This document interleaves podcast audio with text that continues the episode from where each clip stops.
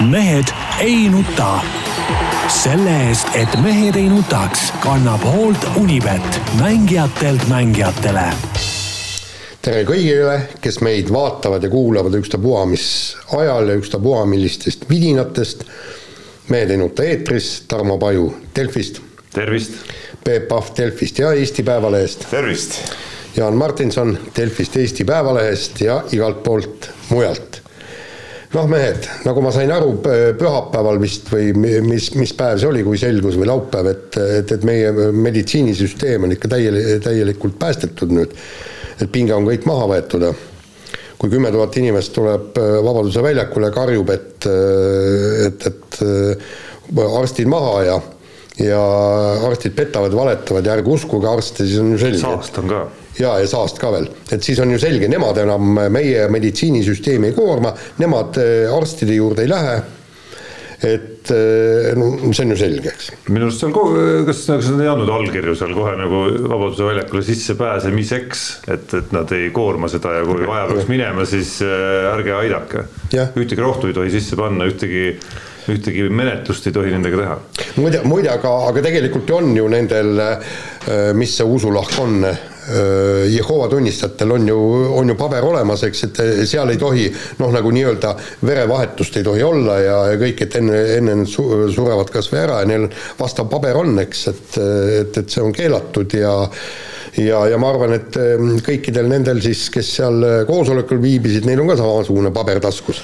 ei no okei okay,, eks seal aeti segast juttu ka, aga samas ma nagu seda meelt ei ole, et seda, et nad seda miitingut ei oleks tohtinud nagu teha, et, et las nad siis teevad, eks ole, et, et Äh, inimesed tunnevad, et neil on äh, vajadus äh, ennast väljendada, oma seisukohti, siis, siis andku kuuma, minu arust see nagu kriitika, et sihuke asi üldse tehti, nagu ei, see nagu ei päde, et aga see, mis juttu seal vahepeal aeti, noh, see on, see on nagu omaette küsimus. ei, aga ma ütlengi, et, et miiting võib olla, aga, aga siis peaksid olema ka need, kes korraldavad selle miitingu, nad peaksid ikkagi mõistuse piires tegutsema. noh, ta nagu selles mõttes ikkagi, Peep nagu nii lihtne ei ole, et et noh, me selgelt oleme siin üksjagu emotsiooni maha laadinud viimaste päevadega juba nii oma chat ides kui ka vahetult rääkides, aga äh, laupäeval need emotsioonid olid oluliselt äh, ärksamad. et isegi minusugune rahulik inimene räntis vahepeal seal Peebu, Peebu Skype'i aknas on ju, et et aga, aga noh, lõpuks taandub ei, see. kõik arusasid, ei, ei räntinud mitte minuga tähendab. ja noh, lõpuks taandub see asi ikkagi ju, ju tõesti sellele, Jaan, millega sa nagu saadet sisse juhatasid, et. et see üritus ilmselgelt aitas kaasa sellele, et, et ühel hetkel, ma ei tea, sina, mina, meie lähedased, keegi, kui vajavad nagu päriselt abi mingisuguse, kasvõi ükskõik mis probleemiga, noh, ma eilegi käisin EMO-s näiteks ühe lapsega kõik õnneks läks seal, läks veel väga hästi ja üldse tuli välja õnneks, et midagi hullu nagu ei olnud, aga aga et, et ühel hetkel, kui seda vaja nagu, nagu päriselt on ka kellelgi ja teemal, mis ei puutu üldse koroonasse, siis, siis seda lihtsalt ei saa ja kogu lugu noh, et selles mõttes äh, oli kogu see jutt ja üritus ikkagi üsna vastutustundetu. ja, ja noh, seal on ju see, et mida nad praegu räägivad, et olukord on oluliselt hullem, sest Äh, need äh, õed ja arstid, nad ei jõua enam, nad on nii tühjaks pigistatud nagu sidrunid ja nad keelduvad tegemast ületunnitööd see on täpselt sama, kui, kui pärast no, olümpiamängud hakkavad läbi saama, aga need kestavad ainult kolm nädalat. Ja sa lõpus liigudki tegelikult noh, nagu kütuseaurude toel ja ootad seda päeva, millal see ükskord läbi saab ja see saab läbi ja, ja, ja kui keegi tuleks, meil on ju oma naljad, et kuule, näed, ülemus helistas, et sa pead ka paraolümpiale jääma, tead siis põhimõtteliselt ütleme niimoodi, kui keegi tõesti ütleks, et nii, nüüd nädal oled siin ja siis paraolümpiale, paneks kohe lahkumisavalduse lauale, noh ja, ja aga, aga arstidel ju seda võimalust ei ole, et ühel päeval okei okay,, me pingutame no, veel. see võimalus, miks ei ole, noh. ja osad ongi kasutanud seda ei no jah, lähevad ära, aga aga, aga see ei ole nii, eks, et et ma pingutan nüüd kuu aega või poolteist kuud või kaks kuud ja siis ühel päeval on kõik vabanemine, kõik see jama saab läbi. no ma millegipärast arvan, et, et võib-olla paljud inimesed, kes seal kuulsal miitingul olid, et ega nad ei ei tulnud ju sinna selle sõnumiga, et mis seal maha hõigati, et maha arstid või, või noh, see mingid ultrad võib-olla seal kõnepuldis hüüdsid neid, aga ma arvan, paljud inimesed tulid lihtsalt selle lihtsalt selle mõttega sinna, et nad ei taha ennast äh, seda vaktsineerimist saada ja, ja ongi kõik, et ega seal midagi äh, noh see on nende vaba valik noh, kokkuvõttes, et, et samamoodi on võimalik nendele siis, kes ei taha seda saada, on riigil valik panna peale piiranguid ja, ja minu arust võikski need piirangud olla väga konkreetsed ja selged ja siis, kes ei taha vaktsineerida, saab ju rahulikult, tegelikult ütleme näiteks noh, Jaan, midagi juhtuks sinuga, kui sa ennast üldse ei vaktsineeriks, istuksid oma Jõelähtme nii-öelda villas tood, kauba toob sulle kuller sinna kohale, kõik lood teed arvuti teel valmis, saadet teed üle Skype'i okei okay,, väliskomandeeringusse ei lähe, no mis siis? Ja mitte midagi ei juhtu, mitte midagi ei juhtu sinuga. ei, absoluutselt, ongi nii. see on inimese täielik eh, vaba valik, eks ole, et kui, kui ei taha, siis istudki seal kodus ja, ja, ja tegutsed niimoodi minu arust, väga lihtsad lahendused. mitte ei ole tuhandete inimeste seas Vabaduse väljakul no, muidugi samal ajal, no, okay, see on no. nagu riskikäitumine. ei, aga, aga seal ongi need inimesed, kes seal nii-öelda Jõelähtmel istuvad, ega nemad ei tulnudki sinna ja. lärmama sinna ei tulnud äh, lärmama, sinna, muide, see oli väga, väga hästi, Putingu artikkel, reportaaž, see meie fotograafi reportaaž oli väga hea. ta ütles, et tal on äh, noh, nägude peale väga hea mälu, nimesid ei mäleta, aga, aga näod on, jäävad igaveseks möll, äh, mällu. ja ütles, kirjutas ju, et ükstapuha, mille vastu protestitakse, suur hulk nägusid on samad. ei oleks alati nii öelda, jah noh, mis natuke viibki sinna see, kui sa juba Andres Putingu nime sisse tõid, siis, siis võib-olla see ongi see koht, kus, kus ma tulen sellesama oma rändi juurde tagasi, mis ma siin Peebulegi nädalavahetusel kirjutasin ja, ja lihtsalt suunan selle rändi asemel sellisesse nagu noh, Andres Putinguliku sellise nagu kurva emotsiooni väljendusse lihtsalt, et, et ja, ja kuna meil on justkui poliitminutid siin saate algul ka, noh siis, siis viin selle jutu nagu sinna ka, et, et noh, ma eelmise saate alguses juba, juba nagu poliitikute elu kuidas öelda, nagu üritasin nagu peegeldada, et noh, nüüd, nüüd tahaks nagu sinna nagu vinti nagu selles mõttes peale, peale keerata oma, oma, oma nagu emotsiooniga, et, et, et saate aru, läkski niimoodi, et enne, kui valimised polnud ära olnud ei tulnud nagu ühtegi otsust, ühtegi ebapopulaarset sõnumit. Tanel Kiik septembri lõpus rääkis veel sellest, kuidas äh, kriis on meil läbi tegelikult kohe. kuigi noh, kõik, kõigile, kes nagu natukenegi numbreid jälgivad, oli selge, et siin ei ole läbi mitte midagi. et nagu reaalselt Tanel Kiiget, Kaja Kallased, Jüri Ratased, et et, et te lähetegi hommikul, ma ei tea, peegli ette, vaatate, vaatate silma ja, ja peate tunnistama, et, et teile tegelikult olid need reitingupunktid, ma ei tea, seitsekümmend kaks või sada viiskümmend üks häält olulisemad kui, kui teha nagu ebapopulaarseid otsuseid enne valimisi. ja päästa sellega. mis oleks päästnud elusid. aga mis, mis on poliitika jaoks kõige olulisem, ongi hääled. ja noh, ja, ja sama, ja sama teemat jätkates, siis noh, jõuame Martin Helmede ja, ja Mart Helmedeni, kes nüüd nagu ratsutavad ka neid nagu hääli veel nagu sealt äh, ütleme olukorras, kus võimul olles olid nad pigem sellised nagu karmi käe pooldajad ja, ja kuskil nagu seal liinil on ju noh, siis nüüd nad pigem ratsutavad nagu selle harjal, et, et napsata neid hääli siis hoopis nagu teisest äärmusest no. ja aidata pigem kaasa sellele, et asi läks hullemaks. ma selle teema oleks kõvasti ära lõpetada ma lihtsalt ütlen, et Jaan, Jaan, Tarmo on minu arust alati kogu aeg liiga, liiga dramaatiline kogu selle kogu selle teema juures, et minu arust see asi nagu lihtne. et miks mina ennast vaktsineerisin, esiteks sellepärast, et, et isegi kui ma jään haigeks, eks ole, et see peaks aitama nagu seda kergemalt läbi põdeda, aga teine põhiline asi on see, et see annab mulle võimaluse vabalt ju tegutseda, noh. tahtsin pühapäeval naisega minna Dirhami kalakohvikusse suurepärasel sünnipäeva lõunasöögile, eks ole. Läksin, mingit probleemi polnud, eks ole. täpselt nii on ju Äh, kõikide asjadega, eks ole, tahan minna kinno, lähen, kuigi ma pole kinos käinud mitu aastat, no põhimõtteliselt noh.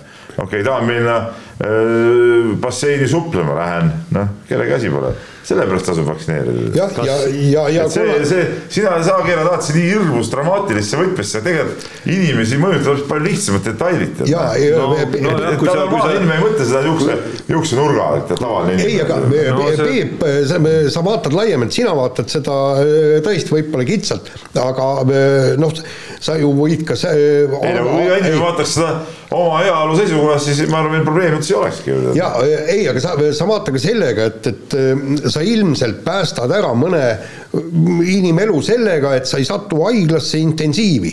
ei no seda, no, ma ei taha, no ma ei tahagi sinna sattuda, no see on no,, see ma ütlesingi, et see sellepärast ma seda ei, aga, aga see ei ole ainult aga, mitte sina. aga ma ütlen, ütleme see, see kompvek on palju suurem, eks ole, kui, kui see mingisugune, kas ma jään haigeks või ei jää haigeks, noh, selles olukorras noh ma arvan, et tasub ära. noh, ja ütlen, hüpates tagasi nüüd sinna, noh needsamad Helmed, Kallased, Ratased on nagu ideaalses positsioonis, noh, nad on nagu Riigikogu liikmed või valitsuse liikmed, et teenida rahvast, noh, see kõlab nagu ju justkui nagu ülima asjana, mida, mida siin äh, Eesti riigis nagu teha saab, on ju, aga pigem, pigem elude hinnaga me näeme praegu äh, seitsmekümne kahe, saja seitsmekümne, saja seitsmekümne viie või äh, tuhandete häälte korjamist. aga kui sul pole hääli, ei saa sa ka teenida. no nad juba on seal aga et minna nagu nüüd rõõmsama poole peale, siis kas meil fanfaare või midagi on siin kuskil? noh, Peep laulab jälle trummid pärisevad. ei no ta iseendale ei hakka laulma ikkagi noh, Keila korvpalli kool jah. esimene võit esiliigas, ajalooline hetk. ei, ei, ei ole, ei, ei, me võitsime ka ju, sel hooajal. no esimene võit sel hooajal. hakkas ikkagi pinge kogunema, mina ütleks juba vaikselt nagu, et siin Euroliigas me nägime juba, saates tuleb juttu ka natukene, kuidas, kuidas esimene nii-öelda kirves nagu langes ikkagi, et, et oli, oli kergendus ka ei no kirvest seal ei olnud, ütleme seal nii, nii lihtsalt asjad ei käi, aga ei muidugi oli kergendus, võit oli tarvis, noh. tabel, tabeliseis nagu nõudis seda. ja, ja, ja vastane ka selline, kelle vastu nagu pidime võitma, noh, võitsime ka siis, noh.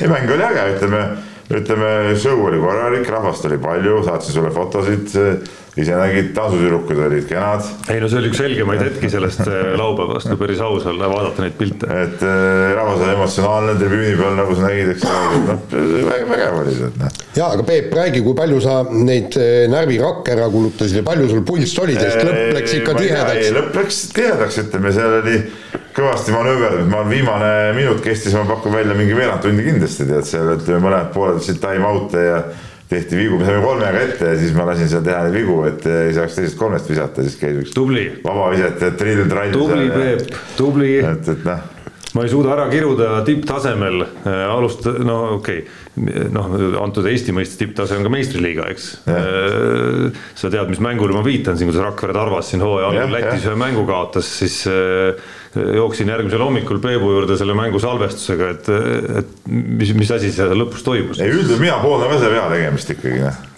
üldjuhul mina pooldan seda. no Peep jagab ikka asja no.. no absoluutselt, Tarva peatreeneriks, miks mitte. ei no seal on uurus müürsepp nii, aga päris spordi, päris spordi juurde räägime alustuseks tennisest ja Anett Kontaveidist äh, kahe kuu jooksul kolma, kolmas turniiri võit ja, erilist vürtsi muidugi lisab see, et, et kuidas ta selle äh, turniiri võitis, et äh, neli, kuus, null, neli kaotusseisust Aleksandrova vastu tuli ikka vingelt välja, kuigi, kuigi tuleb siin mainida ka see, et vastane andis Kontaveidile võimaluse äh, mängu sisse tulla ja, ja, ja see mäng võita. sest see, kuidas ta alguses servis, no praktiliselt servil ei eksinudki. ta ju äh, teise seti alguses ühel hetkel tal oli ju esimese pallingu protsent oli sada. ja, ja, ja, ja tal oli väga hea palling ja selle pealt nüüd hakata midagi tegema seal äh, vastu, noh oli ääretult keeruline, aga, aga just hea oli see, et, et Kontaveit kasutas need võimalused, väiksed aknad, mis talle anti, kasutas ära, võttis selle võidu ja noh, päris vinge oli. no me siin saate eel juba jõudsime kõvasti lõõpima hakata, kuidas Jaan hakkab et me Peebuga võime ära minna ja Jaan saab oma traditsioonilise, traditsioonilise monoloogi maha kuigi pidada. selle kohta tuli ka üks kuulajakiri, et teeme nii, et Jaan ei hakka rääkima sellest, kuidas Kontaveit mängib eh, esikümne tennist, et see oli väga konkreetne, konkreetne palve, näe täpselt nii, Heiki Pruul kirjutas. kui saab, siis teeks nii, et Jaan ei asu Anetti liiga palju kiitma rääkima, et kohe top kümme ja natuke pärast top viis. ei no aga ta on top kümme, selle, ei, selle aasta edetabelis on ja, ta top kümme. selle ja, kuu edetabelis võib top üks ka olla, tead noh aga me räägime praegu ikka päris edetabelist. jah, ja, ja, ja ei noh, tegelikult on see rääkisin siin äh, teiste ja kuulsate treenerite Maret Tani ja Märten Tamlaga ja, ja arutasime siin äh, veel teiste, teiste inimestega ka natukene, et et äh, muutusi on märgata Aneti mängus ja kui, kui panite tähele, üks, üks väga huvitav muutus oli see, et äh, siin finaalis Moskvas ta ei hakanud mitte kordagi jonnima, no okei okay,, paar korda oli ta enda peale tige, aga ta ei hakanud jonnima, tal oli pigem ta kui, kui vastane mängis hästi ja temal ei läinud, siis ta irooniliselt naeris pigem selle enda peale, aga ta ei hakanud äh, taguma seda reketit vastu maad, palle peksma vastu seina ega mitte midagi. et ta suutis oma emotsioonid vaos hoida ja, ja seda nüüd on kõik, äh, Maret Tani just ütles, nii kui tal emotsioonid seal väljakul üle, üle keevad nii hakkabki lolle vigu, vigu no, sisse tulema. ega ta ei ole kunagi mingi märatseja otseselt olnud, aga ei, ta holetseb ennast. aga just täpselt, et äh, see on, see on minu arust see, mida ma ise siin paar saadet tagasi ka juhtisin tähelepanu, kui ta, ma ei mäleta, mis turniiril ta toona mängis, just, et see kehakeel on minu arust nagu ja silmavaade on muutunud päris palju ja seda sõnastas sinu enda tänases loos. ma nüüd ei mäleta, kumb neist, kas Maret Tani või Märten Tammla minu arust hästi täpselt, et ta näitab Äh, ütleme, positiivseid emotsioone näitab oluliselt äh, nagu süsteemsemalt välja kui negatiivseid emotsioone, isegi kui need on ainult need, mis, mis kajastuvad vaataja jaoks äh, niimoodi, et sa vaatad peale talle ja vaatad otsa talle. ja siis sa saad aru, et noh, mõnel juhul, mõnel noh, mõne sportlase puhul sa saad nagu kõnnakust juba aru, kas ta, kas ta parasjagu on nii-öelda mast maas või ei ole ja üks oli ju väga hea, me siiamaani noh, lõpuni välja vaidlesime ju Bertelsoniga, äh, kui ta oli, äh, ta oli olümpiamängudel poolfinaalis selle kuulsa prantslase Douillet vastu, äh, Indrek Bertelson, kui ta maadles. Kõik eelnevad matšid, pluss ka siis veel see pronksi matš, kui ta tuleb matile, vihane nägu ees, peksab endale vastu põski, peksab vastu põlvi ja, ja, ja kõik karjub seal tead enne matši, ajab ennast üles. Ja siis sellesama Duje vastu tuleb mitte mingit peksmist, patsutamist, mitte midagi. Ja siis, kui nad peavad kummardama, siis niimoodi alandlikult kummardab, sest teine on ikkagi olümpiavõitja, kõik, sa nägid, just, sa nägid kehakeelest ära, et sealt ei tule midagi. noh, nii nagu on äh noh, ütleme penalti löömise ja vabalisete puhul nagu ütleme, ma ei ütle, et nagu sada protsenti, aga päris, päris kaheksakümmend protsenti sellest silmavaate päris tihti on näha ikkagi. kas tuleb või ei tule, kui on ikka see kakahäda nägu peas, siis ei tule. no või ka need liigutused, et kuidas täpselt nagu, mis kiirusega sa seda palli seal paned ja nii edasi, aga noh, see ei ole absoluutne, absoluutselt muidugi. aga, aga mis nüüd edasi saab, saab see. oota, ma segan, ma segan korra veel vahele, et noh, et äh, üks asi jah, on see, see kehakeele ja, ja ta ise on kirjas kirjeldanud sellise nagu oluliselt suurema positiivsuse leidmist, mida on siis uus treener andnud ja, ja see on tõesti juba nädalaid silma paistnud minu arust nendest eelnevatest turniiridest, isegi kui tal ei lähe mingis mängus hästi, isegi kui ta on kaotanud, et see on see, kus see kuidagi see hoiaku ja suhtumise muutus nagu tegelikult proovile pannakse, et siis, kui sul mäng sujub ja võidad, noh siis on ju alati väga lihtne ainult positiivseid emotsioone välja näidata juhtides. aga teine asi, mida siis noh, vähemalt minusugune vaatleja ei osanud nagu tähele või ei oska tähele panna, on see, mida sinu tänases loos siis kirjeldasid nagu tennisetehniliselt.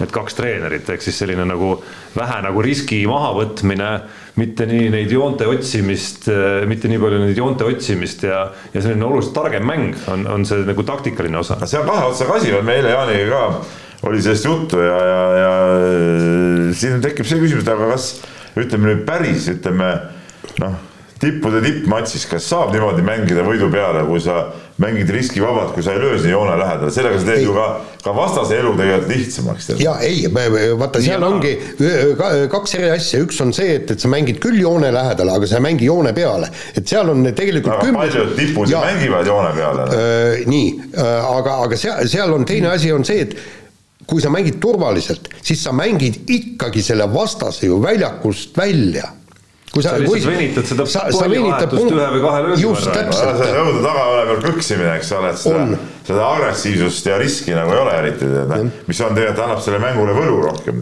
no aga mulle, mulle tundub pigem ja nüüd ma muidugi noh, räägin küll asjast, kus ma ei ole asjatundja, et, et pigem nagu tipu poole peal, võib-olla Serena Williamsi puhul see ei kehti, aga pigem me näeme nagu seda, et see kannatlikkus käib nagu nende juurde, kes, kes äh, süsteemselt seal tipus on. Äh, just ja see, see mäng on määr-, äh, palju lihtsamaks läinud, mäletate siin vahepeal oli mingisugune periood, kui ta hakkas neid stopp-palle lööma sinna ja ta, ta tegi see, Anett tegi seda väga hästi ja, ja tungis võrku, nüüd oli ka see finaalis ta käis kaks korda võrgus ja, ja mõlemad, mõlemad korrad sai ta selle punkti kätte. aga just nagu need Äh, treenerid rõhutasid, et et milleks on vaja mängu liiga segaseks ajada. kui sul tagajoone pealt sa oled võimeline võitma. jaa, kui sa vaatad tennist, Jaan, siis atraktiivne mäng on ikka see, kui minnakse võrku, noh seda nagu lahe vaadata, see oli omal ajal või siuke nagu Boris Becker seal mängis, eks ole, viskus seal nende järgi ja, ja vot see oli nagu, seda oli nagu lahe vaadata. aga seda tagajoone peal mingi pool tundi, ah, ah ma saan aru, Peep, et tuleb ikkagi Anett Kontaveidile edastada pretensioonid. ei, ei, ei, ei, ma lihtsalt räägin, et, et, et Jaan kiidab seda mängu, mina tean, et visuaalselt on, on sihuke tagane või kõks on igav, et tegelikult oleks veel lahedam, kui ta võidaks selle, kui ta oleks agressiivne. jah, aga muide, ma olen, ma olen siin mõelnud, ma olen isegi arutanud mõne, mõne tennisemängijaga, et mille pärast nüüd siis kadus ära, et, et serv-volli mäng on ju, eks. kadus ära, noh, sellepärast esiteks, et mängijad muutusid füüsiliselt palju tugevamaks, palju jõulisemaks ja teine asi, reketid muutusid suuremaks ja nende tabamuspind on palju suurem kui omaaegsetel puureketitel aga miks ei võiks, nagu praegu näiteks eh, pesapalli ju, profid mängivad puukurikatega, kuigi võiks olla ju metallkurikad, mis löövad palli kaugele, ta-ta-ta, ei nemad mängivad puuga. miks ei võiks profid ka mängida puureketiga, vot see teeks juba selle mängu oluliselt mitmekülgsemaks ja atraktiivsemaks vanad puureketid. no nüüd te läksite kuskile vana rohe ro,, ro, ei, me läksime sinna, me läksime sinna, kus on tennist huvitav vaadata, et ta ei oleks igavaks ei läheks. minu arust oli väga haarav kasvõi seesama finaal. ja ei, no tegelikult oli. ja ei, oli küll. aga me kahjuks null kolme pealt äh, lahkuma nagu mm. ekraani ees. see oli romantika vähemalt, mis nagu õigustas. nagu proua sünnipäev. no absoluutselt. nii, aga, aga nüüd saab edasi see, et, et ühel hetkel Anett kaotab, mitte midagi parata ei ole ja vot, vot nüüd siis, siis sealt tuleb vaadata, kuidas edasi, edasi need asjad kulgevad, nüüd ta proovib Rumeenias äh, finaali pääseda, mis viiks ta aastalõputurniirile, kus jagatakse väga kopsakalt raha. et, et, et see oleks muidugi tore, et no raha rahaks, kus oleks teoorias, ärme nüüd nagu pilvedesse mine muidugi, aga noh, teoorias oleks võimalik äh, nagu veel nagu võtta nagu see kõige ägedam skalp ära kuidagi. noh, kasvõi ükshaaval jaa, ei, seda küll, aga no see aastalõputurniir ei ole niivõrd äh, tähtis. me, me teame, kui palju on Federer või Nadal võitnud Grand Slam turniire, aga me ei, keegi ei tea umbkaudu isegi seda, mitu aastalõputurniiri nad on võitnud, on kõik võitnud palju, aga see selleks. no aga räägime aastalõputurniirist siis, kui Anett sinna pääseb. just, aga, aga, aga nüüd ongi järgmine, ma olen siin enne ka öelnud, põhiküsimus on see kuidas nüüd sellest hooaja lõpust kuni Austraalia lahtisteni see treeningprotsess kulgeb, kuidas tervis on, kuidas ta puh-, välja saa-, saab ennast sellest hooajast ja raskest hooajast puhata. sest vaadake, kui sa võidad kolm turniiri, see tähendab seda, et sa mängid rohkem matše ja see on nüüd see, mida, mida Federer ja Nadal ja kõik nad räägivad, miks nad ei taha neid viiesetilisi matše Grand Slam turniiridel, kuna nad mängivad kogu aeg finaalis, neil on see koormus meeletu. no sinna, Jaan, on nüüd nagu ikka oot, oot, oot, päris pikk tee. ei, kahe kuuga ta on mänginud ühe, üheski teises eluperioodis ta ei ole kahe kuuga mänginud nii palju mänge, kui ta on mänginud praegu. ja vot siin on, kuidas keha vastu peab ja kuidas ta füüsiliselt selleks koormuseks valmis on. jah, aga samas ta on no mis on nagu huvitav kasvõi selle tabelis tõusu juures on ju see, et ta on tõusnud noh, ütleme jooksvas tabelis sisuliselt esikümne piiri peale. ei, ta on kümnes. aastatabelis on ju. aastatabelis on ta kümnendal kohal. et ta on äh, seal olemata ühelgi neljast suure slam'i turniirist jõudnud ju isegi kaheksandikfinaali. just.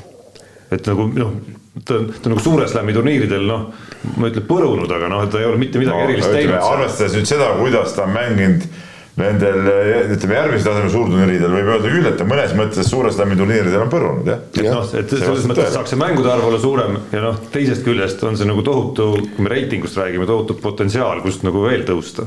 absoluutselt, jah.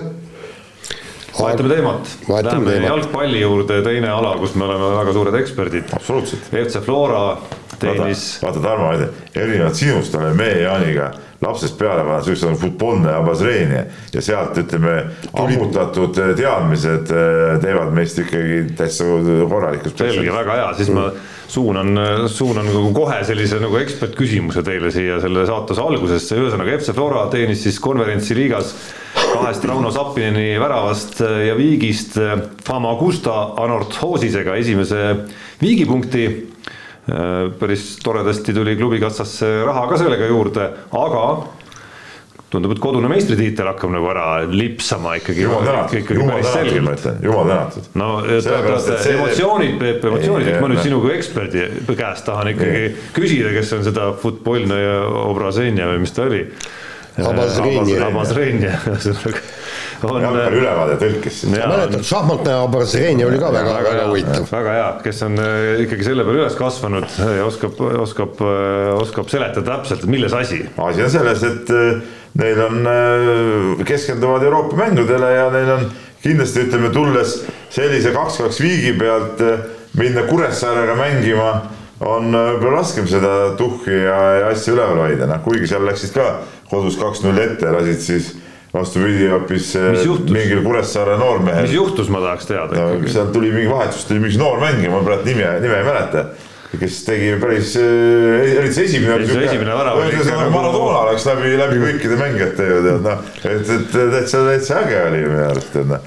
aga, aga, aga selge on see, et, et täpselt no see on sama asi, kui Kalev mängib siin eh, Eesti, Eesti-Läti liigat, sama asi on praegu Floral mängida Eesti jalkaliigat, et, et selge see, et raske sihukeste mängudeks keskenduda, kui sa, kui su kogu fookus on sellel äh, välissarjal. Ja, ja minu arust on ka see huvitavam emotsionaalselt, kui Levadia võidab, et siis ütleme, ei ole niimoodi, et meil on ainult Flora, Flora, Flora, nad saavad nüüd kogu aeg räigelt raha juurde, eks ole, seal mängides, et nad nagunii lähevad nagu palju tugevamaks, eks ole, et oleks väga hea, kui nüüd äh, seda tehakse tiitlist ilma, et Levadial oleks ka nagu suurem võimalus, ütleme sinna meepoti juurde saada, et meil oleks nagu rohkem neid klubisid, kes, kes ütleme, suudavad äh, mingil, mingilgi tasemel mängida. no teisalt tahaks nagu väga, et nad vähemalt huvitavaks selle asja veel, veel teeksid. huvitav on see nagu seal oma kaks mängu pidada. kui nad oma vahelejäänud mängu ära mängivad, on kuus punkti ja kaks korda omavahel mängida, et, et noh, nad isegi ei ole veel ju teoreetiliselt või no nagu nende võimalused ei ole teoreetilised, vaid, vaid praktilised, võidad kõik järelejäänud kohtumised ja,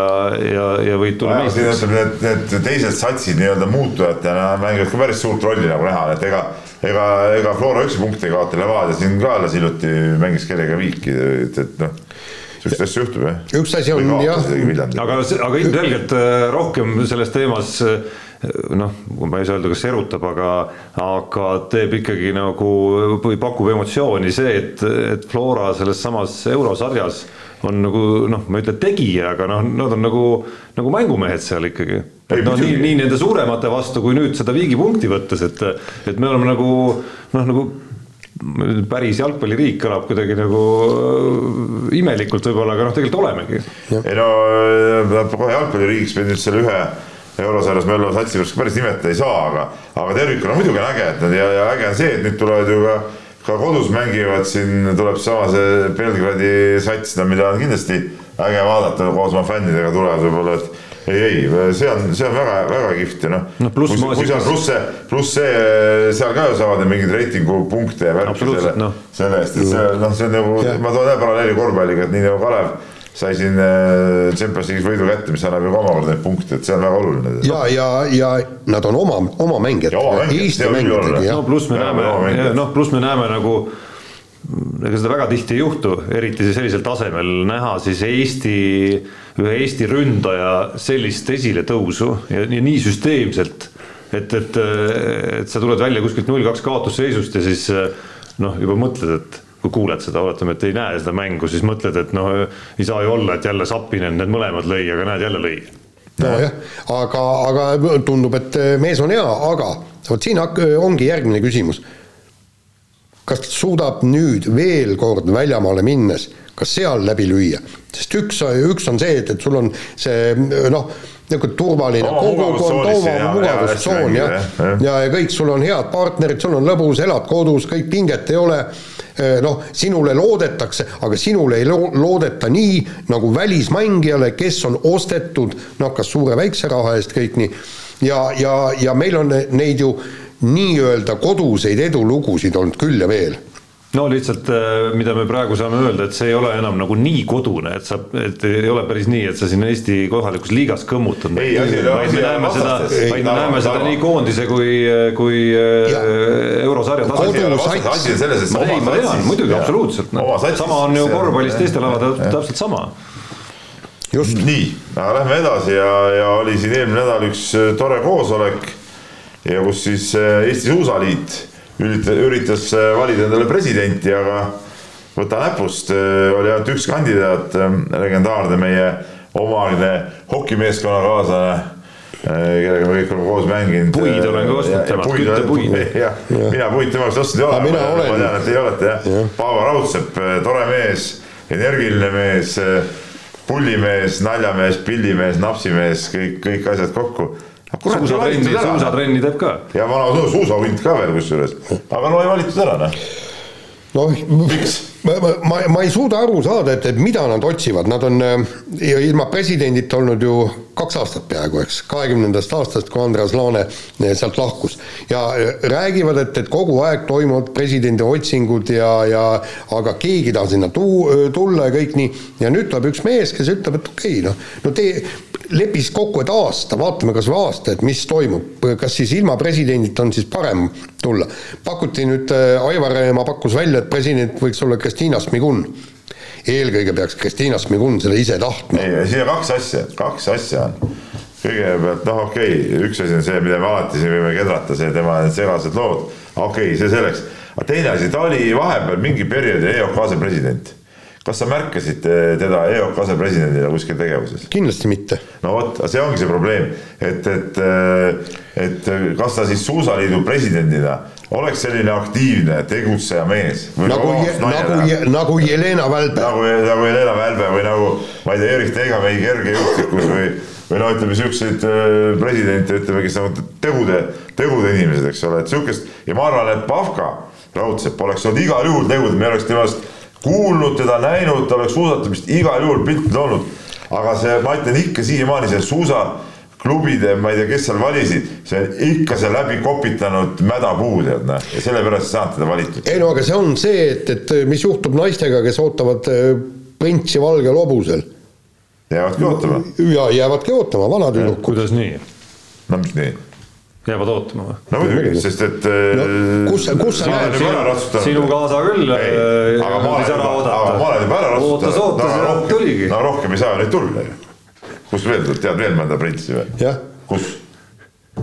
no ei, absoluutselt noh no, no, ühel kus... juhul Suusaliit loodab ka, et see üks no,, et see üks juhtum saab tõeks. no need on juba ära, ära võetud. no pean muidugi tunnistama, et ega kas teil on silma jäänud, kas, et kui palju Paavo Raudsepp on jõudnud nagu avalikult rääkida ka, et mis tema plaanid ja mõtted kõik. Äh, ei, aga tean, et kuna, kuna ma ei ole, et kuna ma ei ole näinud väga sel teemal midagi, siis jube raske on nagu hinnata, et kas, kas ja kui äge ta oleks ikkagi olnud, et eks, eks tegemist on väga värvika kujuga, ma olen nõus.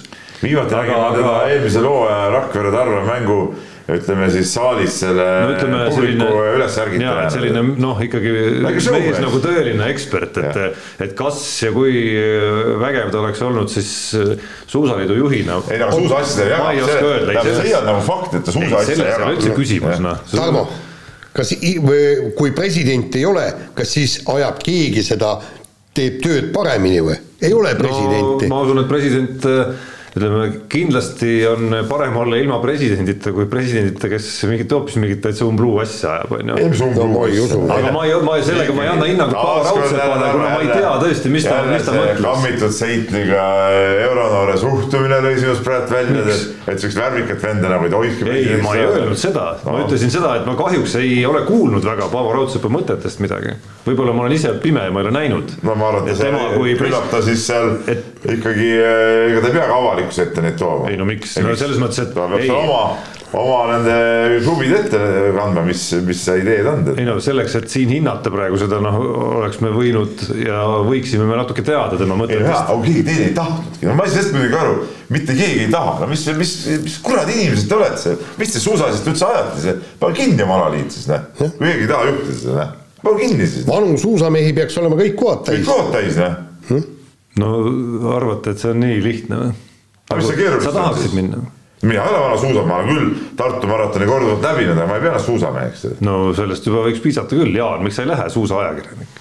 Jaan ei jaga asja. no hakkab pihta noh. aga no ei noh, kuule, ei kui me räägime tõsiselt, no kuule, suusa, suusa, Eesti suusatamises on väärikaid äh, tüüpe küll ja küll, miks ei võiks hakata siis. ja minu arust see president ei pea olema äh, mingi uipu ärimees, äh, kes lihtsalt võtab selle koha selleks, et seal olla või noh, et nagu mingit oma aupastit saada, vastupidi president peaks olema selline, minu ideaalpresident on ikka sihuke aktiivne tegelane, kes ise tegeleb selle alaliidu tööga kogu aeg, noh. kes kogu aeg on nagu asjas sees, noh. noh, võta Aivar Pohlak võta Aivar Pohlak, ma räägin, võta Teegamägi, isegi Priit Sarapuu korvpalliliidus, no ta on nagu ikkagi nende küsimustega tegelev ja noh, ta ju on kursis, teab, ta ei ole ainult, et, et, et käi-, käin siin äh, nime poolest presidendiks no,. aga ilmekalt... väga palju on meil alaliidu presidenti, keda me ei teagi üldse, nad on mingid täiesti suvalised vennad. Aga eks see ilmekalt, ma arvan, ongi mõnes mõttes kõikide nende viimase, mis ta nüüd on, aastad on sassis juba, kümme ja rohkem aastat nagu järelm ikkagi, et see ei tundu väga ahvatlev. võta Pevkur, võrkpalliliidu eest no,, kogu aeg ajab asja ju, väga hästi ajab ju noh. no aga võrkpalliliidu asja ongi võib-olla oluliselt mõnusam ajada. ei, mis asja, mis jutt see on, no suusatamine on, vaatame, et kõikidel nendel jamadel on ikkagi suusatamise vastu huvi, ma arvan, jätkuvalt on ikkagi suur. kindlasti.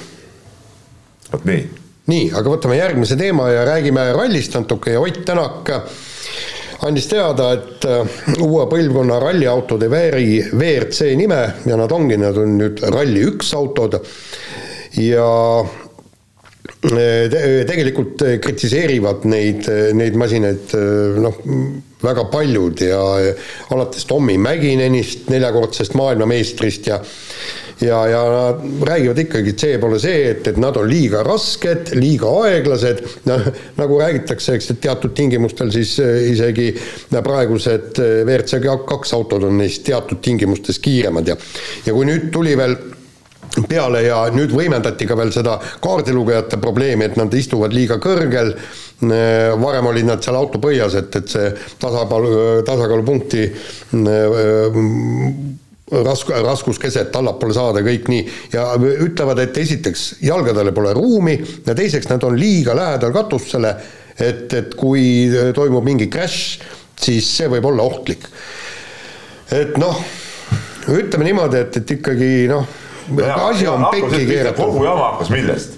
sellest kuradi lollakast, äh, ütle otse nii välja, kuradi lollakast hübriidjurast, eks. no absoluutselt, noh no no mis, mis, mis, mis valu on selle, sellega tegeleda, kuule las see võidusõidusari olla normaalsete autodega nagu,, normaalsete mootoritega. nagu vormel üks. no vormel üks kõik, kõik nägid, mis elektrivormeliga juhtus kedagi ei huvita, noh. täpselt sama ju.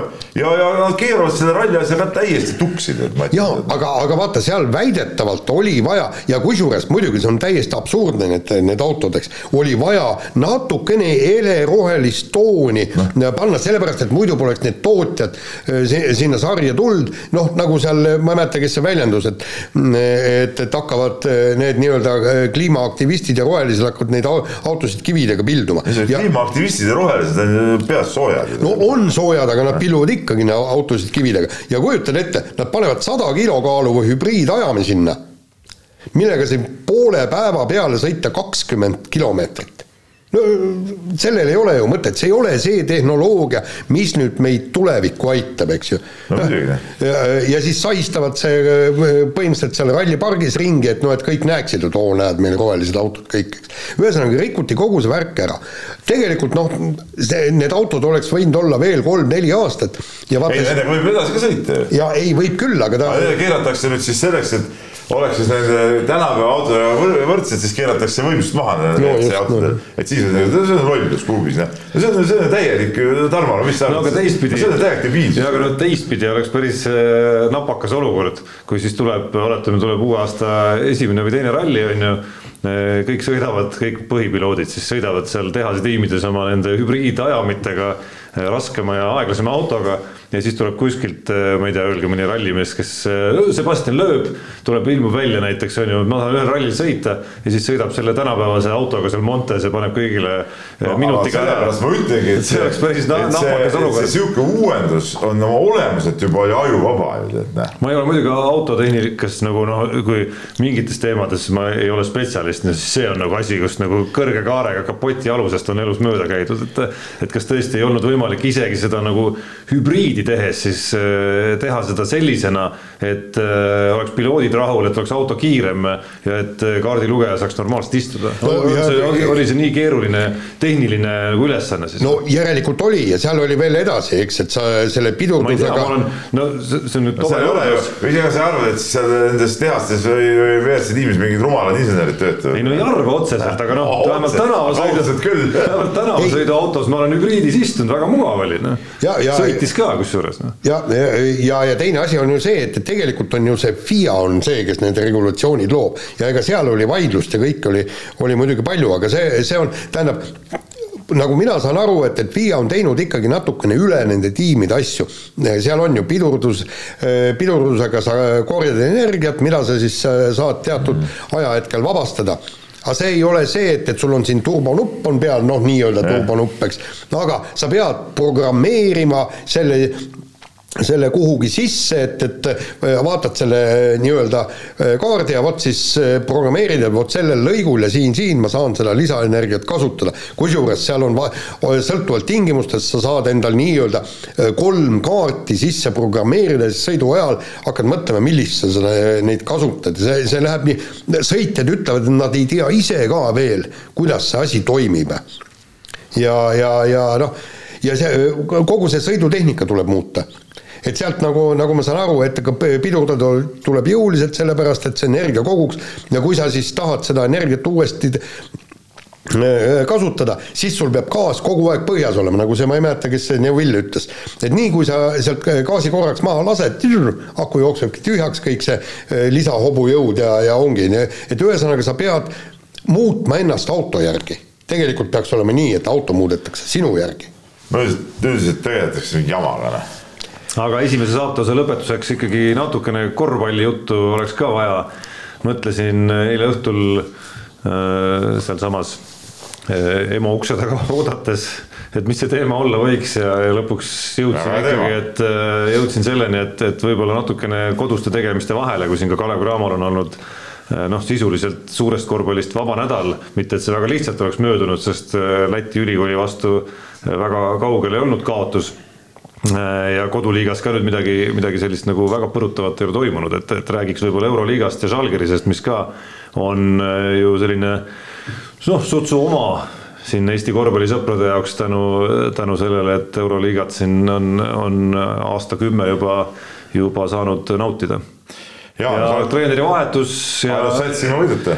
ainus sats ilma võiduta, treeneri vahetus ja, ja päris, päris keeruline, keeruline seis. ja ees ootab nädal, kus ei pruugi ka seda võitu tulla, vist oli Maccabi ja. ja FS Võõrsil. FS Võõrsil jah, no väga, väga, väga rasked lahingud no selge see, et nagu see treeneri vahetus, mingid imed ka kohe Obit ei tee, eks ole, et see Juresovs tuli, noh esialgu tundub, et ega ta, ma vaatasin ka seda, mis nad kodus ära andsid Bayerni vastu noh, ei olnud kõige enesekindlam, tegutsesime tema poolt ka või mulle tundus, et ta väga hästi veel mängijaid ei tunne ka seal või kuidagi nagu sihuke, sihukest kahtlast, kahtlast maiku jäi seal juurde.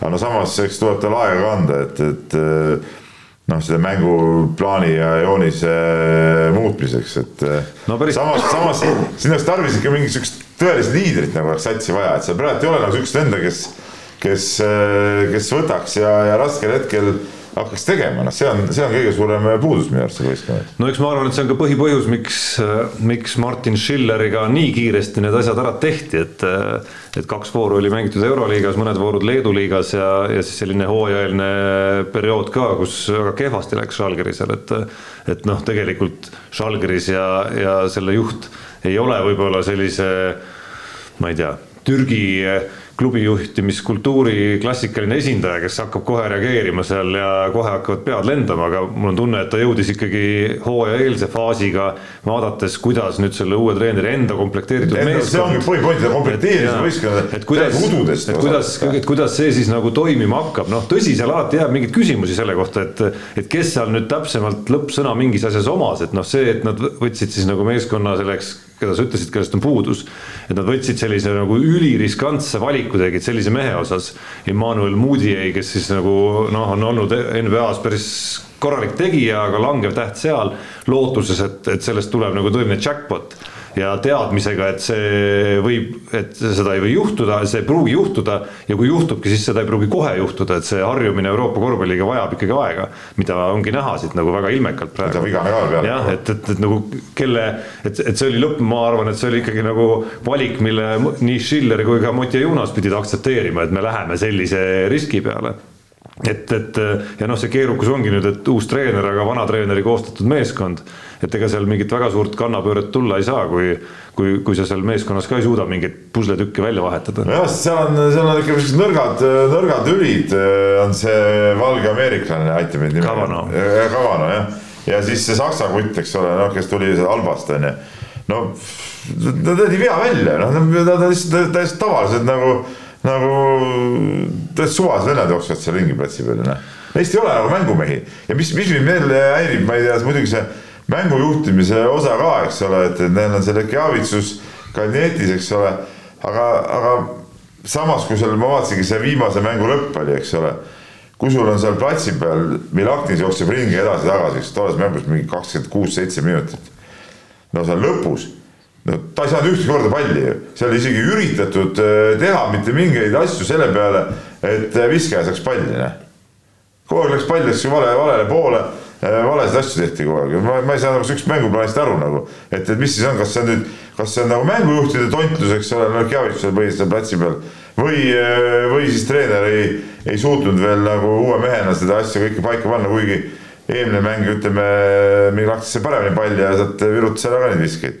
Ja siis see mängu lõpp veel, vahetas sisse, Kaneti sai time-out'i, ma ei tea, kas see, kas tõesti see lõpulahendus pidi selline olema et Kanetist tuli üle, põrgas natuke, siis pani mingi täieliku käki või tellise sinna korvi suunas, eks ole. no ma ei tea, no kummalise, enne seda oli Kanetis istunud mingi kümme minutit järjest pingi peal.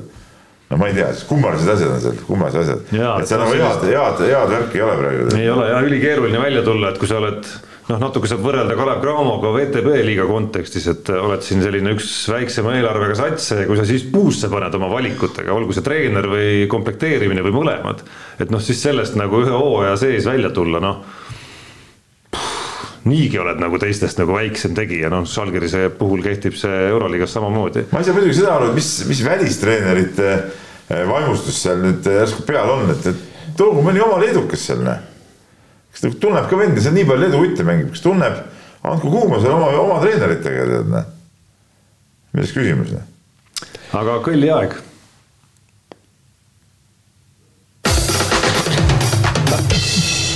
meil on Rubilniku mees ilmselt magama jäänud seal. me panime, panimegi proovile, et proovisime üllatada. nii, aga, aga kiire vahemäng ja Eesti kuldsed epee-tüdrukude olümpiavõitjad eh, valiti rahvuslike olümpiakomiteede poolt Tokyo mängude kõige parimaks naiskonnaks. ei ole, sa eksisid praegu selle no. väljendiga, mitte parimaks naiskonnaks, vaid parimaks võistkonnaks, mille liikmed osalesid ka individuaalvõistlusel. no okei okay.. paluks täpne olla tõesti. paluks täpne olla, mhm. kas, kas teist keegi nagu saab aru, mis, kuradit see tähendab või?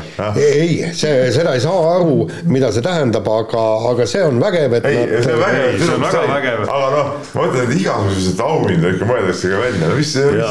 mul on, siit annaks edasi arendada igasuguseid auhindu ka Eesti aasta sportlaste gala juurde või siis ma ei tea, isegi spordiajakirjanike gala juurde, et noh, aasta parim ütleme siis uudislugu autorilt, kes äh, kirjutas ka mõne, kes kirjutas ka mõne arvamusloo.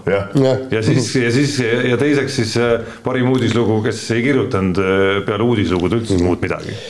Parim selline noh, ma ei tea, videoreportaaž või siis nagu nii-öelda nagu ülekanne tüübilt, kes ka kirjutas mõne loo kes ei kirjutanud. kes ei kirjutanud. jaa, aga tegelikult noh, see, see oli ilus auhind ja, ja tegelikult isegi, oota, oota, oota, oota, Peep, ma räägin ka seda, et, et isegi siis, kui ta oleks pari, parima naiskonna auhind, siis, siis kindlasti nad äh, pretendeerinuks ka, ka sellele ilma selle. ei, aga muidugi, kas seal, kas seal oli ka, ütleme siis niisugune nagu, niisuguse nagu tavavõistkonna auhind ka anti välja või? oli küll vist jah ja., oli, oli, see oli äh, kuskilt ma lugesin ka, see oli kas äh, ah, mingi obskuurne võistkond oli, mis sai selle. obskuurne, see, ahah, ahah. okei okay., aga, aga tegelikult ma, ma leian, et, et see, see siin oli tegelikult meie EP... meie jaoks obskuurne, kas see ei olnud mingi mingi rugby või mingi, ei, ei, ma eksin, see maahoki kuskil, kuskilt sealt mingi, mingi, mingi ala, mingi ala, mis, mis meie, meie juures ei ole. et, et, kas seal oli ka siis tavavõistkond või? nii, aga te, tegelikult see, see oli ju noh, ikka paras niisugune see oli siiski naiskonna auhind siiski, mitte nagu võistkonna auhind, ma täpsustan ka nii palju, olgem täpsed. just jah aga, kes sai mitte, kes sai selle analoogse meeskonna auhinna, teab keegi või? see oli Jaan, sa olid kodutöö tegemata. ei, ei, miks ma ei, ma ei tea, mul suht savi. nii, aga jätka nüüd oma. nii, ei, ma tahtsin öelda, et, et see oli, see oli ju tegelikult noh, niisugune ilus Hollywoodi lugu, eks ju, et et kuidas me see üldse pääsesime sinna olümpiale läbi kivide ja kändude. Ja, ja me kindlasti ei olnud see naiskond, kes, kes võiks selle kulla võita ja siis, siis kogu see kogu see võistlus ise ja, ja matš matši haaval, kui sa vaatad, et tegelikult mingi Hollywoodi produtsent võiks sellest, kui, kui see vehklemine kedagi üldse huvitaks, on ju, eks, maailma, siis oleks sealt saanud ilusa loo ja ma arvan, et need jaa, seda filmis oleks küll. just, nii, nii, parim naistiim Tokyo kaks tuhat kakskümmend, Uus-Meremaa rugby-tiim. No näed, kas naised mängisid ka rugby't? Jaa, see olümpiaräkk oli see see. lõi Ja mind kõhklema, et ma oleks pakkunud Uus-Meremaa rugby, siis ma hakkasin mõtlema, kas naised kas tõesti mitte mängisid sõber rugby't. Ott Järvela ei käinud eh, isegi naiste räpit vaatamas, mingit räpit ta käis vaatamas, peab ta pärast, pärast üle kontrollima. aga ta, ta, vot tema käis olümpial nagu igast eh, totrusi vaatamas, ja et oleks siis äh, fakti täpsus meeste sama kategooria auhinna, mille siis võitis meie EP-naiskond ehk siis multiple athlete event, et äh, sportlased, kes võistlesid nii tiimi kui individuaalalal, olid siis Itaalia trekiratturid, tiimi jälitussõit, no näed, võimas. ja parim meestiim oli Jaapani pesapallurid aga no see, see oli hea auhind, tegelikult mängisid hästi. aga vahetame teemat, kas Jüri Losmani, ohoh, sihuke tekst. Jäi praegu poole lause siin, tegin õhtul copy-paste natuke ei süvenenud lause ehitusse, kas Jüri Losmani olümpiahõbe maratonist saab järje, Kaur Kivistik hakkab maratoni jooksma ja koos Tiidrek Nurme ja Roman Fostiga minnakse EM-ile jahtima meeskondlikku medalit. kusjuures ma jätsin see Pavel Loskutovi hõbeda ka veel. ei, ma, ei ma seda tahtsingi sulle ütelda, et, et et Losmani olümpiahõbe on saanud järje ju Loskotovi Loskut- EM-i hõbedaga Jah. kaks tuhat kaks oli Jah. jah, kaks tuhat kaks jah Nii. nii, ei no aga ma ütlen, see on, mulle see uudis väga meeldis, et äh, Kivistik äh, suunata maratoni ja proovida EM-il seda meeskondlikku medalit, okei okay,, see ei ole muidugi sihuke asi nüüd, mida no mis oleks, kuidas ma ütlen, nagu sihuke nagu populaarne medal või midagi. Aga nendele meestele Eestile see oleks medal on medal, EM-i medal on EM-i medal, eks ole. mida joostakse päris EM-il, päris EM-i maratonil. no come on, sihuke variant on ja nagu selgub nagu tulemuste põhjal, et see variant on, no siis muidugi tuleb seda kasutada. ma saan aru, et Kergejõustikuliit ka toetab seda igat seda mõtet, mingid võib-olla leiavad mingit raha neile natuke ja, ja, ja väga värk, nad las panevad, sest Kivistik on jõle äge jooksja, Kivistik on, ma pakun Eesti jooksjates mulle sihuke nagu lemmik. No ta on suurvõistlustel ta on ikkagi- suurvõistluste mees, ta on kahel EM-il olnud korra oli kas seitsmes või korra üheksas või ja, ja noh, siuksed ja üldse ta on siuke omapäraselt kihvt kuju nagu. jaa, aga muidugi siin on kurb, kurb jälle see, et, et kuna see ala ehk siis meeskondlik maraton ei kuulu olümpiamängude kavva, siis loomulikult isegi kui nad kullale vaata, sina ja Jaan, sinul on ainult üks mantra kogu aeg, et see no. rahade peale pääse. kuule, sporti tehakse ikkagi medalite nimel, kui sa saad EM-i medali, siis sa saad EM-i medali ja siis sinu loogika järgi on kurb see ka, et ma ei tea, seal need, need Ei. ei. meie need kiirpaatide vennad tulevad maailmameistriks, jälle kurb lugu, noh, see ei kuulu olümpiamängude kavva. Ott Tänak tuli maailmameistriks, kurb lugu tead noh. ei, aga ma, ma, ma just mõtlen, et, et Ott Tänakul on pappi küll. ma arvan, et tema ei vaja EOK seda tuhande eh, eurost kuutoetust, aga ja Kivistik ja kord need, minu arust EOK peaks siin tulema mõistusele ja sellises olukorras ka neile maksma raha. just, just, just, just. no need asjaolud eh, natukene ongi kurvad ju ka, miks sellise projektini jõuti, osaliselt vähemalt, pean siin silmas seda, et Kaur Kivistik ju oli silmitsi ka võimalusega, et tulebki oma nagu päris jooksja karjäär ja ära lõpetada teine asi muidugi see, et tal, ega tal jalad äh, väga hästi seda takistus- takistusjooksul enam vastu ei pidanud, et, et ma saan aru, et et need vigastused, asjad keerasid tal selle olümpiahooaja ka tuksi. no ega see maraton nüüd ka kõige ei no seal hell-, seal ei ei ole seda hüppamist ja tappimist. jah, samas on asfalt. no asfalt jah. aga head tossud on nii, aga, aga nüüd lähme ühe väikse humoreski juurde. ma julgeks seda niimoodi nimetada, selle ütleme maaletooja on meil noor reporter Märt Roosna. hea töö. kes, kes ütleme järjekindlalt siis valgustab sellise võistkonna nagu Saaremaa võrkpalliklubi asjaajamisi ja, ja siis tuleb välja, et detsembris näeme siis eurotasemel võrkpalli Saaremaa esituses eurosarja esimese ringi mängud kõigepealt siis Taanis ja pärast, pärast Kuressaares, et väidetavalt on kõik broneeritud, aga võta näpust. Märt reporteri tööd tehes uuris välja, et pole nagu meeskonda ja pole ka nagu saali, saali aega, kus nagu seda mänge peaks mängima. no ma kuulasin eile ka võrkpalli podcast'i natukene just tänasele saatele mõeldes kuuendat game'i ja siis ma sain aru, et seal, kui Märdi loos veel räägiti, et nagu kolm mängijat enam-vähem on olemas, siis tänaseks nendest kolmest mängijast on üks vist alles ainult see üks, mis ta on austraallane, kes on siin. võttis naise siin. kes võttis naise siin, et ülejäänud kaks, kellest seal juttu oli, on ka juba lõpetanud ootamise ära, et üks oli vist kas TalTechi juures äkki või. ja see libero jah. ja, ja, ja, ja teine oli mingi välismaalane, kes ka minema, on ära läinud lihtsalt. no jaa, kolmekesi oleks võib-olla saanud veel mängu mängida, eks üksinda Aga... on väga keeruline, eks ju. no selles mõttes me võime võib-olla ühineda ühineda sellesama kuuenda game'i eh, jutuga, et, et kui seal oli Rivo Vesik oli valmis ja Karl Rinaldo oli valmis ja, ja minu arust oli Mihkel Uibolet ka valmis ikkagi minema sinna nagu äh, Kopenhaagenisse, ei see Kopenhaageni mängu osas Rivo Vesik oli natuke kahtlev, kas ta nagu lubab muu graafik minna. aga et me oleme nõus tegelikult ju ise ka minema. vaata, me ju oma saates mängisime nende Bratuhhina tädedega. me käisime Selveri trennis, käisime Selveriga vastu võtmas, ei saanud küll ühtegi vastu. ei, aga mina, ma olen, mina läheks temporündesse, ma paneks sealt keskelt tõusvat küll nagu. kuule mina ju mängisin, vaata noor reporter Märt Roosna kutsus mind ju, kuna mehi oli vähe ja kutsus mind ju mängima sinna Rahvaliigasse. Ja mängisin sidemängijat, võitsime selle mängu sa platsil ei käinud minu arust? ei, kogu aeg olin platsil, ei, seal ei olnudki, et kuus meest kokku saada, olin platsil, kusjuures meil oli väga hea taktika, sellepärast et kuna see, selge see, et, et ma ei suuda isegi võrgu ülemise otsani välja hüpata, siis meil oli äh, taktika, et teised olid plokis, mina olin ploki, ploki taga, mängisin nii-öelda julgestasin plokki ja, ja kõike. ja, ja kolm-kaks võitsime selle mängu, nii et et, et sisuliselt ma olen Rahvaliiga medalist. mul on meeles sellest Selveri juures käimisest et ma peaaegu blokeerisin ühe Keit Pupardi nagu ründelöögi, nagu peaaegu, ma sain nagu käed, käed nagu vastu, aga plokist out'i läks ikkagi. ei no mina mängisin, noores peale mängisime võrku seal oma õueplatsi peal kogu aeg, ma olin kõva blokeerija muidugi, kõva blokeerija, et no, need ajad, raud näpud. Need ajad on möödas vist.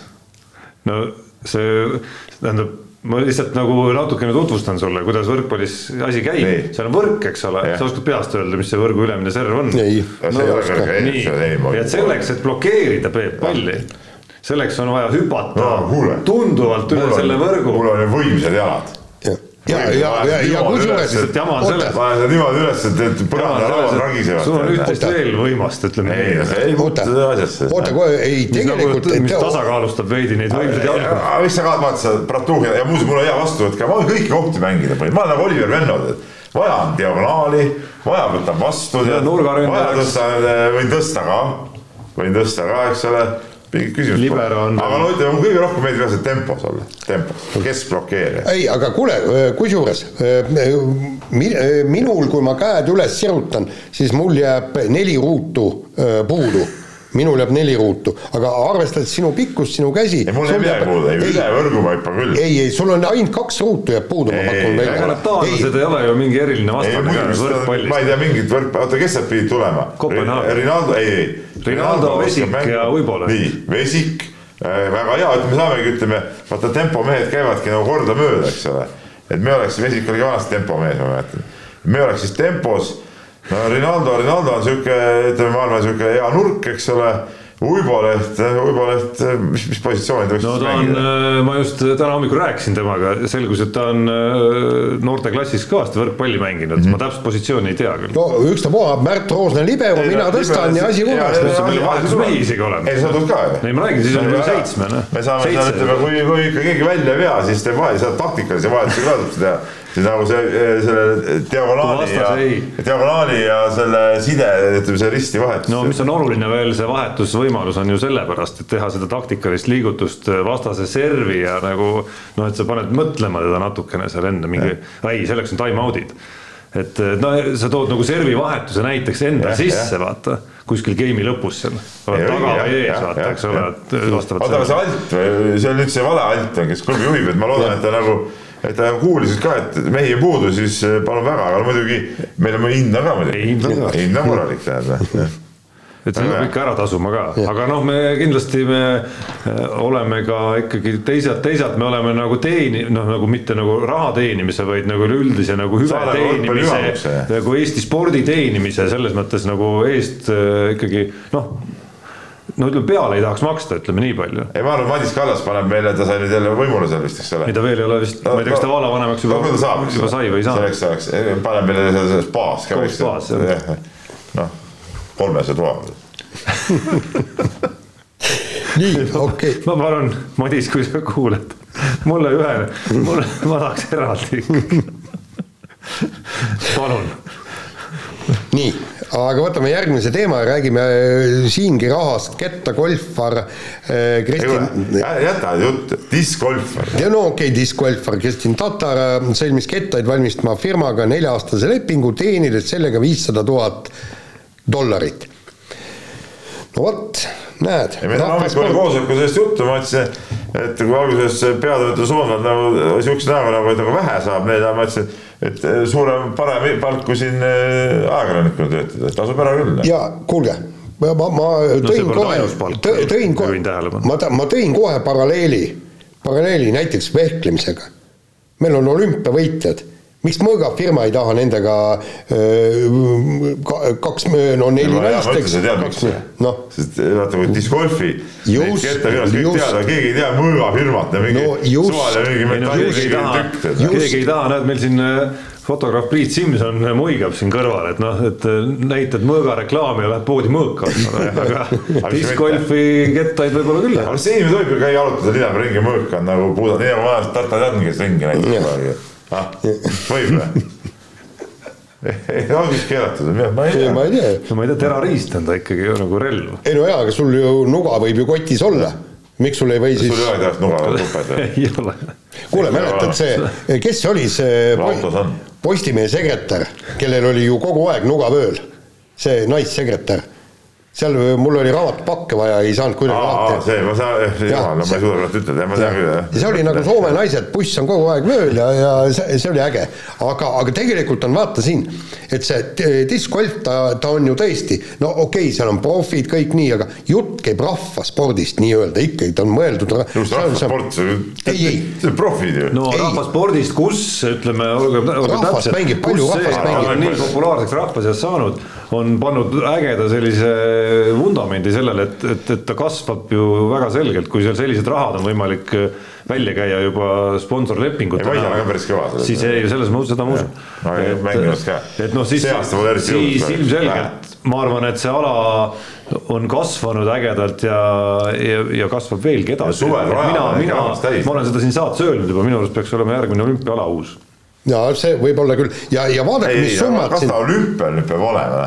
lõpuks võtame selle frisbee ka olümpiaalaks või? Frisbee koha peal ma nagu sõna ei võta, aga kettagolfi või diskgolfi koha peal aga miks see nagu, eh, miks ta parem on, et sellest rahvas harrastab või? no kui sa tahad, ma võin, võin mingisuguseid numbreid siia järgmiseks saateks nagu kõrvale tuua, aga minu tunnetus on, minu tunnetus on see, et see auditoorium on esiteks eh, palju suurem. nii, väga hea. Sina oled alati olnud ka üks nendest minu arust, kes räägib, et käimine tuleks olümpialt eemaldada. nii, nii., eh, ütleme käimisharrastus on kindlasti Äh, sadades kordades suurem kui discgolfi harrastus. sest me käime kõik, sina oled ka käija okay.. isegi kui ma ei mõtle praegu seda niisama, et. no spordina, spordina sul ikkagi ei. nagu käimist ei. tegeleb mingi käputäis inimesi maailmas. kuule, ma isegi eile Jaan helistas kell, kell oli kümme, mis, mis hingerdad, ma ütlesin, et oi, tema käimisringi pealt tead. ei no muidugi, loomulikult. vahe, vahe ja punktid võistlemas käid. ma räägin nagu võistlusspordina. ei, mis võistlus, no aga praegu ega need, kes käivad discgolfi mängimas, need võistlevad nendest väga vähesed võistlustel. no üksjagu ikka, nii nagu, nagu päris golfis on see osa ikka päris kasvav no,. ei ole, see võistlused, võistluste osakaal on ikka väga väike. ei, aga, aga ütleme niimoodi, kui, kui peaks valima äh, diskgolfi või breiktantsu olümpiale. ei siis valiks diskgolfi muidugi jah, see on selge. aga selle saatuse lõpetuseks äh, tagasi sama saatuse alguse juures mingit pidi vähemalt, äh, ehk siis vehklemise olümpiavõitja Julia Beljajeva värske rahvuslike olümpiakomiteede poolt pärjatud kui parima ka individuaalalal osalenud naiskonna liige olümpial, jah just. jätkab samal ajal tippspordiga ka poole kohaga tööd Tartu Ülikooli Kliinikumis õena ja oleme, ma arvan, tänulikud talle selle eest. ja oleme väga kin-, kindlalt oleme tänulikud ja, ja ütleme niimoodi, et, et tal on see öö, nii-öelda inimeste aitamine, see noh, see on tema loomuses, ma olen noh, sellest ju kirjutanud ka ja, ja temaga suhelnud ja kõik, noh, ütleme niimoodi, mina noh, mina ei suudaks ilmselt teha seda tööd, mida need õed teevad ja kõik nii.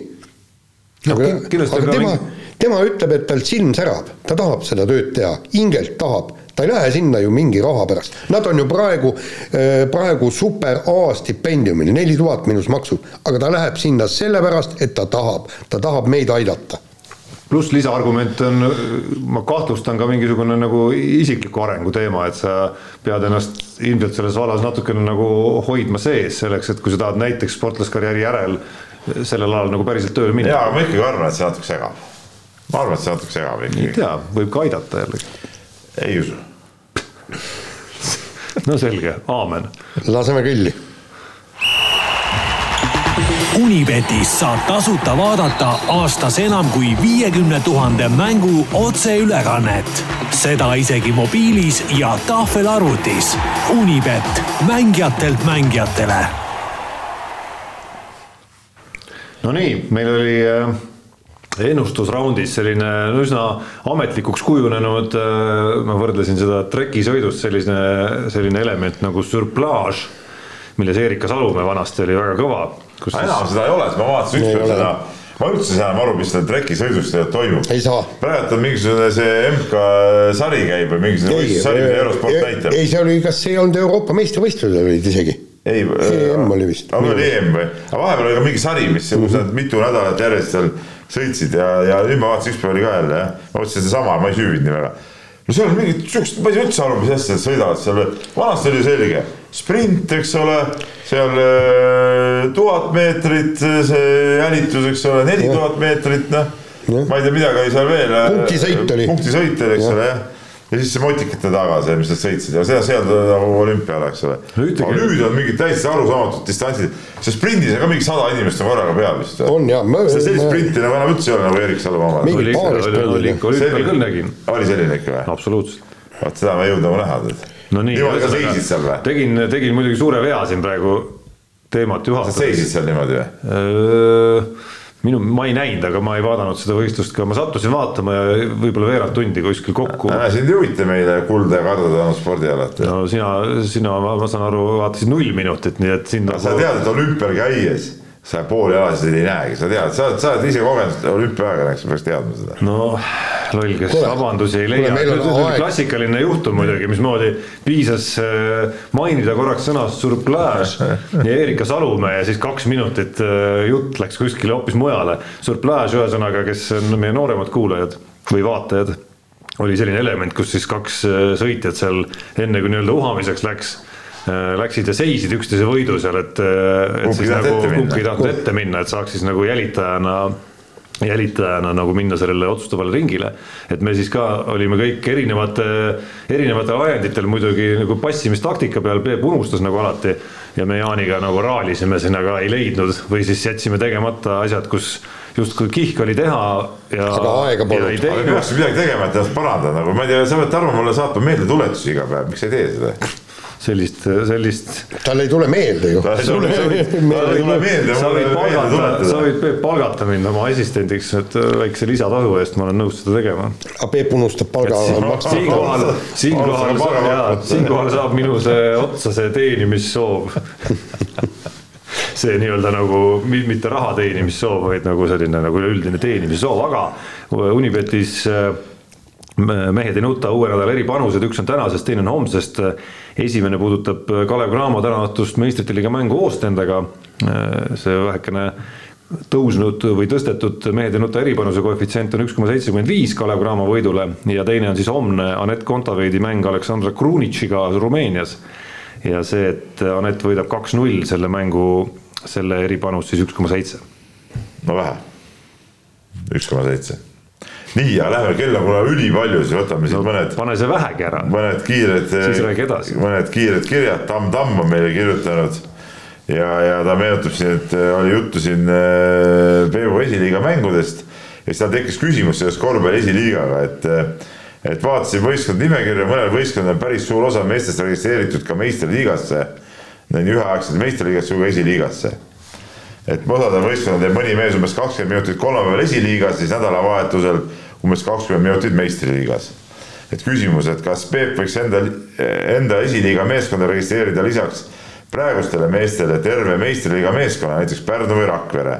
selleks, et kui play-off'i koht hakkab kaugele jääma või hakkab liigast välja kukkuma, võtab mõne lisaks, et võidud kätte saada või on sellele mõni piirang äh,. piirang on küll jah, et äh, niimoodi kahe liiga vahet saavad liikuda ainult kuni kahekümne kolme aastased mängijad esiteks.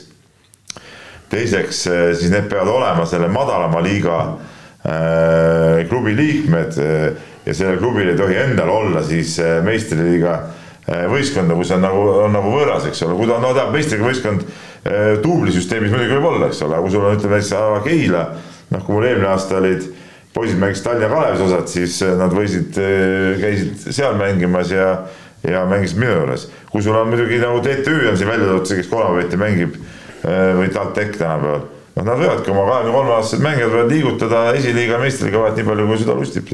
nii nagu mina liigutan näiteks esi- ja teise liiga vahel neid noori mängijaid. et, et see on niimoodi lubatud ja, ja iseenesest see on tegelikult okei okay,, et kõik saaks, saaks mängu mängukoormust. kas, kas kuskil mingil hetkel, valgusta nüüd, on ka mingisugune nagu joon tuleb vahele tõmmata, et või sa saadki nagu mängida, et play-off'is vist see asi nagu päris nii ei käi, et ühel hetkel TalTech saadab oma kõik noored talendid äh, esiliigat. põhiturniiril peab olema viiskümmend protsenti mängudest, siis saad äh, play-off'is ka mängida samamoodi. et, et seal, seal nagu küsimust ei ole. nii, aga RR kirjutab äh, meile ja, ja küsib, et mis on saanud noorest kriisast. jutt käib siis kergkriisast, et Ender Trelli NBA rong on läinud kes võiks järgmisena sinnapoole vaadata, no Gervidas pole midagi muud saanud, kui. ootab hooaja algust Arizona ülikoolis. mis peaks vist novembri keskel kuskil pihta hakkama äh,. isegi alguspoole vist natukene jah, et, et ma siin aeg-ajalt, aeg-ajalt äh, olen Google'i uudistesse löönud sisse seda, neid meie USA-s olevate noh, nii-öelda potentsiaalsete koondislaste nimesid, et kuidas neil läinud on ja, ja noh siin mõne päeva eest või nädal tagasi kuskil jäi silma just üks selline eh, Gerg Riisast rääkiv lugu, kus ta ütleme siis on valmis nii-öelda enda sõnul põhimängujuhi kohaks Arizona ülikooli meeskonnas, et saab olema korralik tõehetk. ja ütleme, tunnistan ausalt, ma seda üliõpilaskorvpalli nii hästi ei tunne, et ma isegi ei, ei oska otseselt ennustada, et kui kõva konkurents tal seal selle põhimängujuhi koha peal on, et, et kindlasti ei ole ta ainus, ainus vend, kes kes seda kohta endale imustab, aga no, vähemalt on seal olemas ja, ja toimetab. Endre Trellil on, noh, ma ei tea, kas NBA rong läinud on, aga, aga ta praegu seis ei ole väga hea, et kuigi peatreener vahetus, Luka Piantsi, eks ole, on nüüd peatreener, kes on üldse ka Läti koondise peatreener, eks omal ajal oli Kristjan Kanguri treener äh, on nüüd seal peatreeneriks, aga, aga Trell esimeses tema mängus väga pildile ei saanud ja suuri tegusid väga ei teinud, et no mängib mingi veerand tundi umbes või midagi. ja noh, ka eelmise treeneri lõppfaasis, ega see hooaja algus ei ole midagi sellist olnud, mis paneks NBA klubisid tema ei, seda no praegu muidugi mitte, ei ma siis mõtlesin, et vaata, kui treener vahetub, siis ta mõnikord nagu muudab neid, nende mängijate rolle, eks ole, aga praegu tundus, et, et treeneri roll ei, ei muutunud. nii, ja võtame kiiresti veel äh, Kalle, vana ajakirjasaatja äh, kirja. Kaljula või? Äh, ja, ja kes ütleb, et tere mehed üle pika aja. kas sa nägid ikka, Peep, seda artiklit temast, suurest elumuutusest? ei, ma teadsin, ma, kuna ma jälgin äh,, mitte jälgin, vaid ta on mul Facebookis ka ja, ja, ja ma äh, tean muidugi, mida ta teeb, jah. väga hea, palju õnne. tegelikult. ei noh, mees teab, mis mees teeb muidugi äh, mind nagu hämmastab jah, et tema see rattasõidu võimekus on päris kõva ikkagi, et neid mingeid kahesaja kildiseid mingeid otsi seal tõmbab ja nii edasi nii, aga, aga äh, jutt tuleb siis põhimõtteliselt äh, sellest võrdlusest, et, et ta küsib, et kas need Anett Kontaveidi vägevate tulemuste valguses kas Katrin Lehisel hakkab aasta parima naissportlase kõrvale konkurent kerkima et Epp Mäevas tubli MM-hõbedaga olümpiapronks ja naiskonna kulda üle ei kaalu. Äh, kuid nüüd natuke spekuleerimist, kui kõik läks hästi, nii nagu Eesti tennisjumal tahaks, poleks Anett aastalõputurniiri võit sugugi ulme. ja, ja, ja kui ja kas see kaaluks siis Anett, Anett oma selle saavutusega äh, Katrin Lehise Äh, tulemused üle?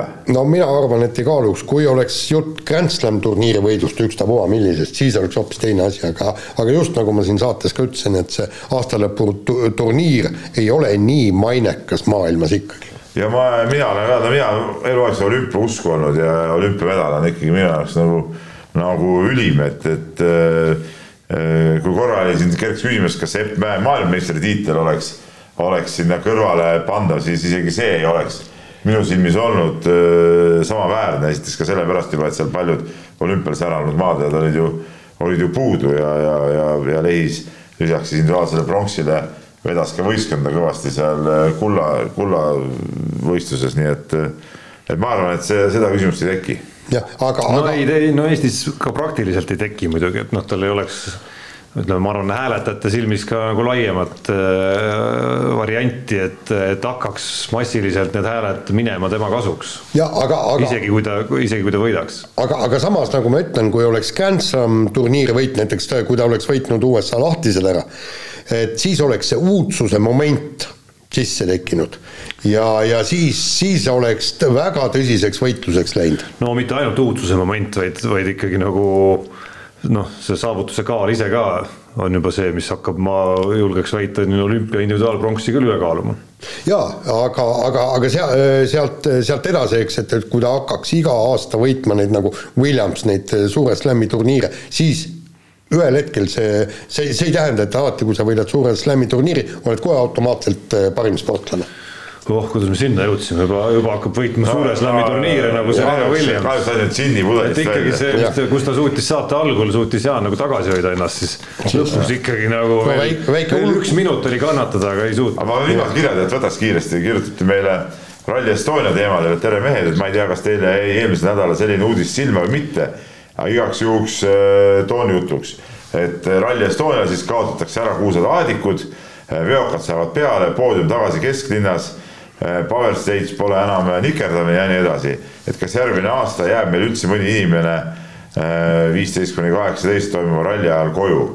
et suurepärased uudised igatahes, nüüd tulevad tootjad, tõnumaalased kobivad ruttu-ruttu vaktsineerima, et oleksime järgmine suvi piirangute vaba, no ütleme, mul oli just täna hommikul oli ka juhus äh, Urmo Aavaga natuke rääkida ja seal see aadikute teema tuli, tuli ka jutuks, et ei no ma igatahes tervitan seda, ma tuletasin Urmale meelde ka seda, kuidas ma kaksteist aastat tagasi, kui ta seda aadikute asja hakkas ajama ja talle ütlesin, et see nagu ei, et see ei meeldi publikule ja tegelikult ka see ei meeldinud enamusele, see kindlasti oli siukseid, kellele meeldis ka, aga enamusele ei meeldinud ja ma arvan, et sellepärast võib-olla ka Rally Estonia pealtvaatajate hulk äh, selle aasta suvel jäi väiksemaks, kui ta oleks võinud olla. Ja ma arvan, et järgmine aasta on igal juhul äh, rahvast rohkem ja, ja ma loodan, et neid igast piiranguid ka sel ajal ei ole.